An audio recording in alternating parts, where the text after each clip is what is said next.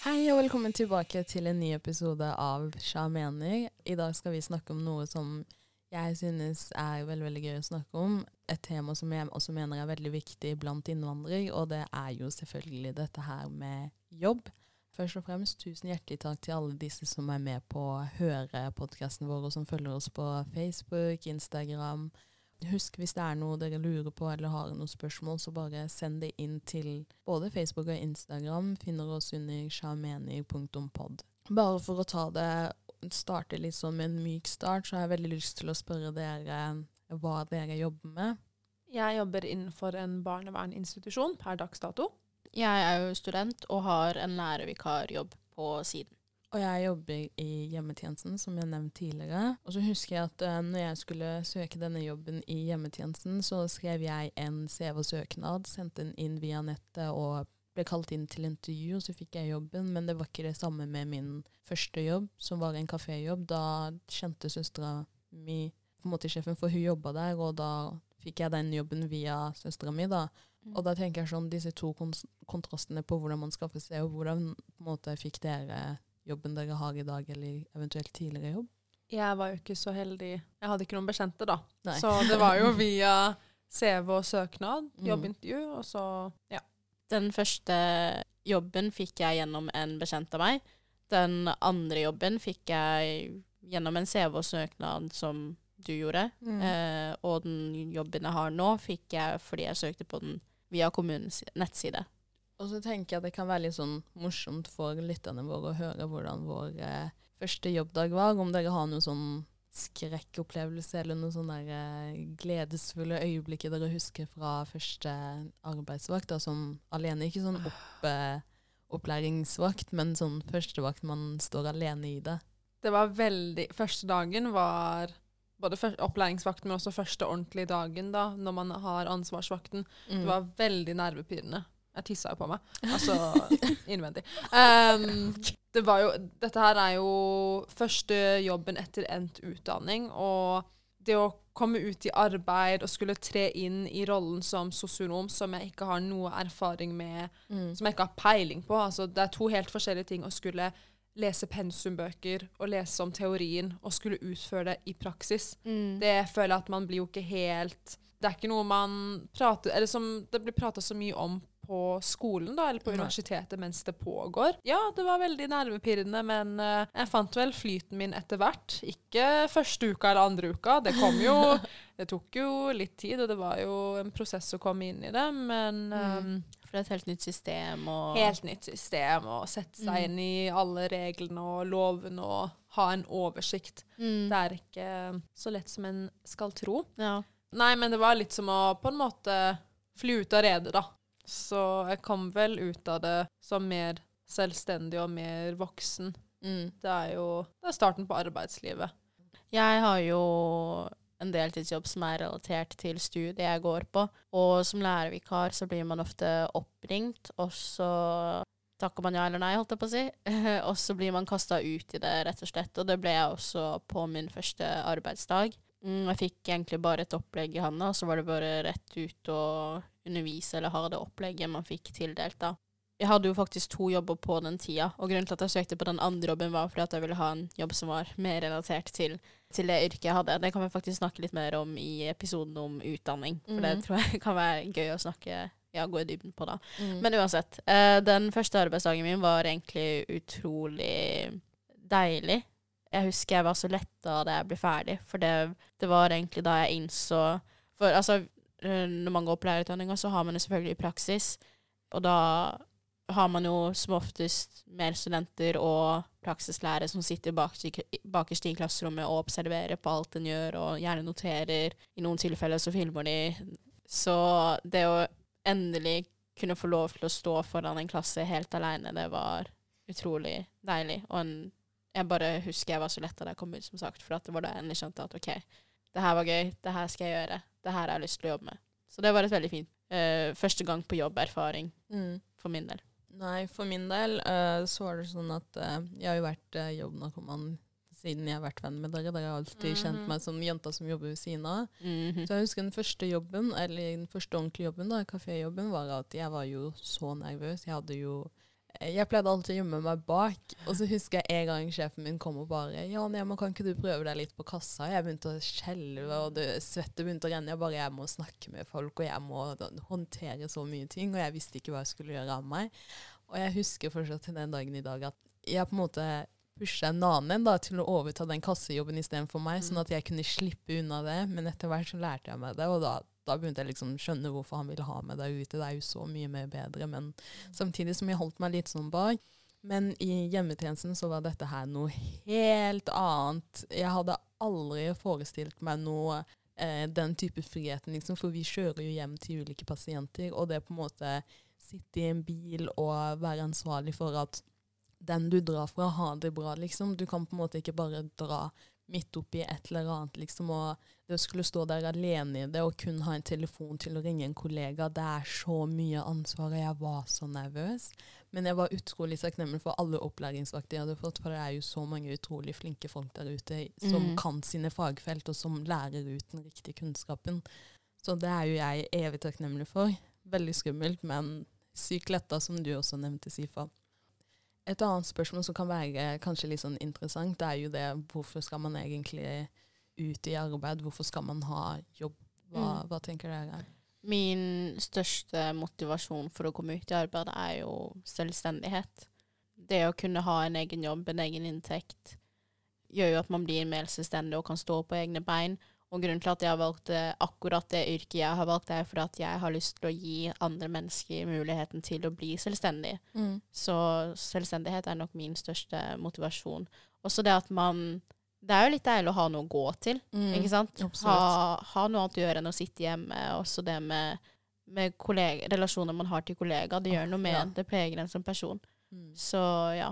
Hva tenker du, Sanne? Å være i arbeid det er jo stabilt. Du har noe fast, som, som Sifa sier, som du kan gå til. Du har struktur i hverdagen din. Og har du en stabil jobb, så har du også en stabil inntekt, mm. som er greit å ha.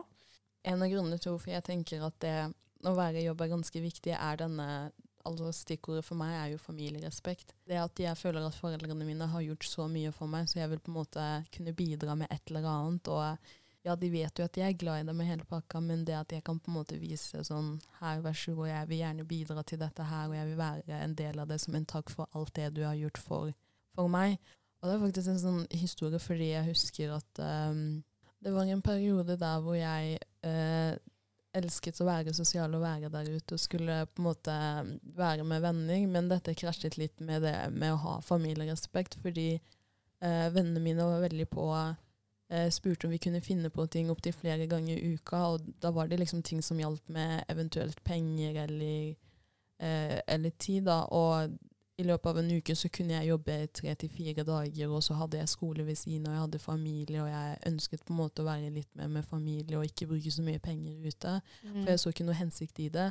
Og dette sleit jo disse vennene, altså dette sleit vennene mine med å forstå, som førte til at jeg da på en måte måtte rett og slett kutte det ut, fordi kutte ut vennene? Ja, kutt ut vennene, for det ble liksom krangling opp og krangling på det at jeg aldri hadde tid til dem, eller ikke orket å henge med dem. Altså synet ble så feil. Mm. Og da tenkte jeg sånn istedenfor å påføre dem mer smerte eller noe sånn mer irritasjon og, føre, og fortsette med de samme kranglingene, så er det bare bedre og slett å kutte det ut og heller fokusere på da jobb, skole og familie. liksom At dette ble mine eh, indre sirkler som jeg på en måte forflyttet meg i. Og så husker jeg sånn, apropos det med venner og prioritering, jeg husker jo den ene 17. mai vi skulle feire sammen, og mm -hmm. vår kjære venninne her sier fra ditcha oss. ja. Men jeg ble jo ikke sur. Altså, ja. Jeg, jeg føler jeg må forklare meg. Vi har faktisk ikke snakka om det her eh, Eller vi har snakka litt om det, men jeg Du har jo vært i jobb siden du var 15-16. Mm. Ja. Jeg starta å søke jobb da jeg var 15. Mm. Jeg søkte jobb fra jeg var 15 til jeg var 18. Det var liksom, Jeg satt og skrev søknader dag inn og dag ut. Jeg husker her om dagen så var mailen min full, så jeg drev og sletta noen mailer jeg hadde fått. Mm. Det var avslag på avslag på avslag på avslag. Og jeg, den perioden var så deprimerende, fordi jeg hadde nettopp starta på videregående. Videregående, yay! nye venner, nye muligheter. Her kan jeg Ikke sant? Man vil jo ha jobb, man vil jo komme ut i arbeid slik at man kan betale for egne ting. Men jeg hadde jo ikke mulighet til det, for jeg hadde ikke egen jobb. Og så fikk jeg faktisk et jobbtilbud på den dagen, da. Og jeg endte jo opp med å velge det jobbtilbudet, og jeg skjønner jo at dere ble sure, men jeg tenker at det var noe jeg måtte gjøre der og da, for hvis jeg hadde takka nei til det jobbtilbudet, så hadde jeg ikke fått Jeg tror ikke jeg hadde fått det jobbtilbudet seinere. Etter at jeg fikk det jobbtilbudet, så fikk jeg lov til å fortsette å jobbe på den plassen, og den arbeidsplassen som ga meg inntekt i to-to år seinere. Det er jo akkurat det jeg sier. Det er på en måte Tilgi meg for det jeg sier nå, men vennskap gir jo deg ikke inntekt, liksom. Altså, vennskap er noe man kan sette pris på. Det er jo det. Vi Ja, setter ja. pris på Det er noe av det mest verdifulle. Altså, penger er ingenting i denne verden. Og jo da, det er mye. ja, men eh, hvis du tenker sånn OK, kjærlighet framfor alt og hele pakken, men akkurat der og da, så er det sånn Vi kan jo ikke gi deg den inntekten du trengte, og vi Som jeg søkte etter i tre ja, år. Ikke sant? Vi kan jo ikke drive Det var det jeg mente. Jeg mente ikke at vennskap ikke er noe som er like Ja. Ikke slutt podkasten med meg, OK? Jeg melder meg ut nå. Men nei, ja, så det er jo ikke bare bare det å få seg jobb. Nei, det er det ikke. Det er absolutt ikke bare bare å få seg jobb. Det vet vel du Um, alt om, Sanna? Ja, det vet jeg alt om. Prosessen er vanskelig. Jeg har vært ferdigutdanna i Det nærmer seg vel ni måneder. eh, Og har sikkert skrevet 5785 søknader. Oh my god. Nei da. Jeg har vel skrevet rundt Jeg tror jeg er oppe i 150. Og ikke blitt tilkalt til så mange intervju- jobbintervjuer. Kanskje bare fem-seks. Og jeg har jo nådd det tidspunktet hvor jeg ble nesten mentalt gal av å ta opp en fane som omhandlet en jobbsøknad. Jeg ble jo pisslei. Det å skrive en søknadstekst, det kan være energikrevende. Det er energi. Det Det er er tidskrevende det er og energikrevende. Ja. Og det er jo flere elementer som spiller inn. Mm. Holdt nesten på med å si, Hadde dere det der at man sendte søknaden sin videre til alle, sånn at mange skulle lese den, spesielt de venninnene som hadde Ja. fått jobb? Ja, det var liksom sånn der Gå gjennom teksten min, hjelp meg. Liksom, Ja, ja. Mm, var helt avhengig. Og det er liksom det som er så morsomt med når man skal skrive CV-er og søknader, ikke sant. Jeg eh, la jo merke til at noe av det første som alltid popper opp på CV-en min, eller som gjentok seg på CV-en min og søknadene mine, var jo det at navnet mitt alltid sto øverst. Mm. Så jeg tenkte sånn, ja, herlig, sånn, jeg heter Nema, kom alle til å ville ha en Nema ute i feltet der, liksom, fordi vi har jo hørt alle disse debattene som har gått ut med at uh, mange som ikke får jobb av navnet, og mange som endrer navnet sitt til noe annet av at de føler at dette her er noe som på en måte kan føre til at de får jobb fortere, da. Og da syns jeg det er så viktig med at ok, det hele kan starte med det navnet man har. Men det handler jo noe med å se meg, eller se personen for den de er, og ikke dømme de for navnet. Eh, for det er jo kunnskapen og erfaringen, og erfaringen som teller mer enn det navnet til eh, folk gjør. Eh, og så er det det her med at når man først driver og skriver disse CV-er og søknader og skal ut i arbeid, så skulle jeg ønske at det var større fokus på noe som kalles for felles kompetanse. Og felles kompetanse er jo noe som kan utvikles når det er flere folk som jobber sammen i grupper eller organisasjoner eller f.eks. bedrifter. Da. Og eh, alle ulike individer i disse gruppene har en individuell kompetanse, og når man da kombinerer denne kompetansen og får en gjensidighet av ulike læring, f.eks. av kunnskap eller erfaringer, så vil dette føre til en felles kompetanse fra så mange ulike sider. Og det er liksom da jeg føler da personlig at en virksomhet kan eh, utnytte hver enkeltperson sin eh, kompetanse på en best mulig måte, istedenfor det her å bare se på navnet og dømme personen for navnet, da. Det du prater om nå, Mm. det får meg til å tenke på en artikkel jeg leste som jeg gjerne vil dra opp. En artikkel fra Fedlandsvennen som handler om en voksen mann med utenlandsk bakgrunn som har master i regnskap. Han har søkt på nesten 200 jobber, men sier at han ikke har blitt tilkalt til noe intervju. Han mener selv at navnet hans og hans utenlandske bakgrunn er årsaken til dette, Mm. som jeg tenker er helt reelt. Det kan jo være god gammeldags diskriminering, at når folk ser navnet hans, så tenker de at de ikke har lyst til å ansette han. Mm. Eller at uh, kanskje han, at han har et dårlig språk, dårlig norsk. Derfor blir han ikke tilkalt til et jobbintervju som er level 1. Men av nysgjerrighet så lurte vi jo litt på hvordan det går med han. Så eh, vi undersøkte litt, om vi kan si det sånn. Og vi fant ut at han fikk jo faktisk jobb i år. Så det finnes jo lys i enden av tunnelen. I nå nevnte du det jo så vidt. For at i tillegg til det vi har snakka om hittil, så vet vi at det med språk at det også kan være en utfordring i arbeidslivet. Absolutt. Og jeg leste jo en sånn uh, artikkel fra Nova, holdt jeg nesten på å si, fordi uh, som innvandrer så kommer man til uh, et land og man, en av de første tingene man må gjøre for å klare å integrere seg, er jo det her å beherske språket deres. Som jeg mener er veldig viktig når man først skal ut i arbeid. For uh, f.eks. oss helsepersonell, at vi kan språket, at vi kan det å kunne kommunisere med disse pasientene og disse menneskene vi jobber med. Og da hadde jo denne forskningen på NOVA forsket at det å beherske norsk da, godt nok er, det har en veldig stor betydning. Og det er jo ikke det at man skal bare kunne språket godt nok for å kunne jobbe som f.eks. en sykepleier i Norge. For det handler så mye mer enn bare 'her jeg heter', men det handler uh, For det handler jo mye mer enn det objektive. altså kriterier for som f.eks. å bestå ulike språktester og sånn. Man må jo kunne beherske den tause tause delen av språket, da, og eh, de kulturelle språklige kodene i f.eks. helsesektoren. Mm. Må man kunne det å bedømme hvordan kollegaer tar imot det man prøver å La oss si f.eks. under rapport, da, det du prøver å forme eh, på en måte det du prøver å formidle. da, At kollegaen din kan forstå hva du sier, og hva slags, eh, hva slags samtale du hadde med denne pasienten, da, f.eks en av de tingene som jeg synes er ganske morsom, det er faktisk statistikk, liksom. Så lenge de stemmer. Og det her er jo fakta. Eh, og jeg husker at når jeg gikk rundt og skulle lete etter tall for å kunne på en måte skyte ut der, så fant jeg et par tall fra statistisk eh, Hva heter det? Statistisk? Statistisk sentralbyrå? Ja, ja. stemmer det. Og der sto det at 35 eh, 000 innvandrere er registrert, registrert som helt arbeidsledige eller på arbeidsmarkedstiltak. Som betyr at sånn ca. 41,5% av alle som har registrert hos Nav, er uten arbeid eller de er ute på ulike tiltak, har utenlandsk bakgrunn. Her, når jeg først leste de tallene, så tenkte jeg wow, det der er jo sjukt mye. Det er jo mm. nesten over halvparten. Og så leste jeg litt videre, og da kom det fram at innvandrere har større sannsynlighet for å havne i en kategori som heter NEAT, som er sånn Not in Employed Education or Training, eh, enn de som ikke er innvandrere. Og dette er en aldersgruppe fra 15 til 29.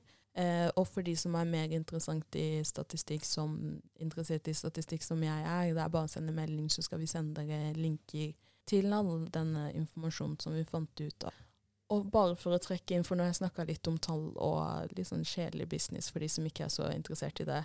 For å trekke inn tilbake til noe morsomt, når det her med intervjuer og sånne ting, når man først skal ut i arbeid, så så jeg på en måte en artikkel der hvor de snakka om hvor viktig det er å være litt sånn personlig intervju, og liksom det at hvis du f.eks. heter Ola og har samme humor som sjefen som skal ansette deg, så blir du mye fortere ansatt enn hvis du heter Ali og er bare dønn seriøs og nikker og er stille under intervjuet. Hva mener dere, eller hva tenker dere rundt det her med å være personlig intervjuer? Jeg tror ikke det med bakgrunn har så veldig mye å si på akkurat det. Eller jeg håper i hvert fall ikke det. Jeg føler at du kan godt hete Ali og ha samme humor som sjefen. Jeg tror du scorer bedre da. Jeg tror ikke det har så mye med bakgrunn å gjøre. Jeg leste jo en artikkel for ikke så lenge siden det var bare en artikkel, og jeg husker ikke hvor mye forskning som var lagt i det. Man skal jo ikke ta og lese alt det man sier som fakta. Men der sto det jo faktisk at um, arbeidsgiveren har lettere for å ansette folk som ligner på seg selv, da. Mm. Og da spiller jo bakgrunn veldig mye inn. Mm. Men jeg får jo håpe at det ikke stemmer. Nei. For det hadde blitt veldig, veldig feil. mm. Altså de, de, du ansetter, da. Eller et, en arbeidsplass skal jo representere uh, storsamfunnet. Og i storsamfunnet så har vi jo mennesker med fra alle ulike land. Mm. mm. Og veldig mange utenlandske bakgrunner. Så. Jeg må faktisk skyte inn en kommentar der. For det, jeg er enig i at, at en arbeidsplass skal representere eh, hvordan samfunnet ser ut i dag. Jeg syns det er fint. Men jeg syns også For jeg vet at det er veldig mange bedrifter som ansetter folk eh, med ulik bakgrunn bare for å se bra ut i media. Skjønner mm. dere? Har dere også fått det inntrykket? Ja, eller på en måte ikke for å se bra ut i media, men for å se bra ut at okay, Ja, sånn generelt. Ja, ikke sant. Ja. Se på oss, vi har forskjellige mennesker og Mm. bla, bla, bla. Og det synes jeg faktisk er litt sånn småtrist, fordi de ansetter Noen ganger så føler jeg at de ansetter folk som ikke har nok kompetanse Ja. innenfor de Det, det var det jeg skulle frem Ja. til. Kompetanse er jo først og fremst det viktigste. Mm. Det, er fint, det er fint at folk ansetter folk med, med ulik bakgrunn, og det skal de. Det er viktig. Men Mm. kompetanse skal jo være det viktigste. Og en annen ting som jeg synes har vært litt sånn For nå har vi snakka om det med CV, søknad og navnet og eh, ja, alle de ulike historiene og statistikk. Og så tenker jeg sånn Når vi, mange av oss innvandrere, når vi først er ute i arbeid, så glemmer vi oss selv. For vi hadde jo Ja, for når vi tidligere snakket om psykisk helse, så snakket vi om det her å ta vare på seg selv og oppsøke hjelp. Og jeg føler det er så mange innvandrere som på en måte shader det her med sykemelding, at de på en måte holde seg så langt unna som mulig. Og jeg husker jo, bare for å nevne sånn raskt historier, da Jeg har jo vært jobbnarkoman siden jeg var 16, liksom. Så for meg, alle de dagene jeg jobba, jeg fikk dårlig samvittighet hvis jeg ringte noen gang inn og sa at jeg var sjuk. Jeg klarte det liksom ikke. Jeg dukka opp på jobb. Ikke det at jeg var sånn smittesjuk, da, men jeg dukka alltid opp med hodesmerter og gudene vet hva. Bare fordi jeg fikk så dårlig samvittighet på det å ringe inn og si at jeg er dårlig. Eh, og så var det en, en gang jeg faktisk fikk eh, influensa. Og jeg var så dårlig, jeg lå helt ute i senga, og jeg dro til legen da. Så sa legen Jeg rakk ikke engang å si hei til legen, men legen registrerte med en gang. Du har eh, influensa, liksom, du har halsbetennelse og hele pakka. Jeg kan liksom høre det på deg før du har sagt hei. Og jeg fikk så sjokk, og jeg satte meg ned og hadde denne legetimen, og legen bare Ja, jeg må sykemelde deg, liksom. Du kan ikke på jobb. Jeg husker jeg holdt nesten på med å grine. Mm. Jeg bare sykemelder meg. Jeg kan ikke det her. Jeg vet ikke hva syke... Hva skal jeg gjøre? Mm. Og jeg husker jeg ringte dere og bare Ja. Hva gjør man Ja, når man er fri, liksom? Hva, hva er dette her for noe? Jeg har aldri Ja. opplevd noe, noe sånt her før. Og, jeg begynte å forhandle med legen min for å Du forhandla med oss. Jeg husker Ja. jeg prata med deg bare Nema. Nå må du Du må sykemelde selv. Du må ta og bli frisk før du kan gå på jobb. Nei, nei, nei. Jeg kan ikke være vekke i to Ja. uker. Bare to dager maks. Ja, jeg bare sånn, jeg må snakke med legen min. Jeg kan ikke være borte så lenge. liksom. Jeg klarer det ikke. Hva skal jeg gjøre hjemme? liksom? Og jeg føler jo meg fin. Det var bare den ene dagen jeg var Du hadde ikke- influensa. jeg klarte ikke å svelge, så jeg bare sånn Ja, ja, det her er bra, men jeg visste jo ikke det selv, liksom. Og det var jo helt sykt. Etter det har jeg liksom tenkt på det at det å sykemelde seg, det skal ikke være noe skam, og det skal ikke være noe sånn farlig i det, liksom. Fordi jeg fikk liksom tid til å tenke meg på hvorfor er dette her et sånt dilemma som man på en måte viker unna. Hvorfor tar ikke flere å sykemelde seg? Hvorfor er det på en måte sånn uh, Tar du sykemelding, så er du på en måte out there, all jeg nesten på Ja, måte. Ja, så er det noe feil. Mm. Jeg snakket jo med en utenlandsk venninne, ikke deg, men i forkant og etterkant uh, i en periode hvor hun sykemeldte seg selv. Og hun ble jo slaktet av moren sin. Moren sa jo at det ikke var innafor i det hele tatt, og malte et bilde av at det å skulle sykemelde seg selv ikke var OK. Og det reagerer jo jeg på, fordi man går jo gjennom sykdom, både fysisk og psykisk. Mm. Vi er jo ikke roboter, vi er mennesker.